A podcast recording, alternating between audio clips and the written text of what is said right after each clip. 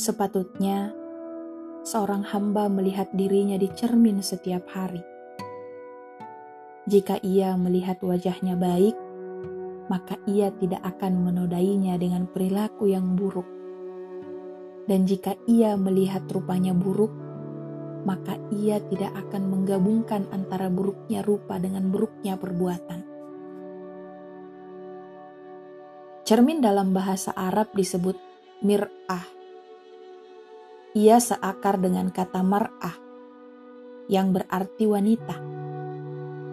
Itulah mengapa perempuan suka berlama-lama di depan cermin. Ketika kemudian kita bercermin, kita dianjurkan untuk membaca doa. Ya Allah, sebagaimana engkau perbaiki rupaku, maka perbaikilah ahlakku. Keindahan rupa dan fisik tidak akan berarti apa-apa jika tidak diiringi dengan kemuliaan ahlak.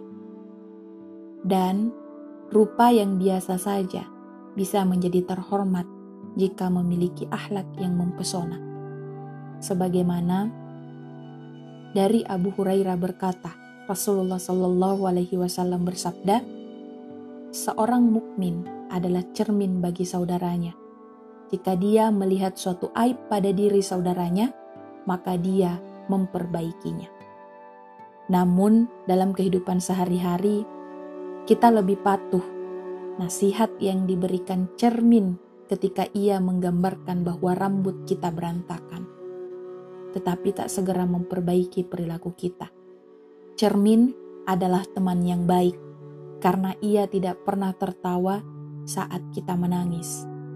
Cermin adalah sahabat yang jujur karena ia selalu mengabarkan tentang diri kita apa adanya. Jika baik, ia sebut baik, dan jika ada kesalahan, ia tidak segan untuk memberitahukan apa adanya. Karenanya, sering-seringlah bercermin diri dan tanyakan pada hatimu yang masih suci, karena hati yang hidup tidak akan pernah berdusta tentang apa yang dilakukan oleh si pemilik hati.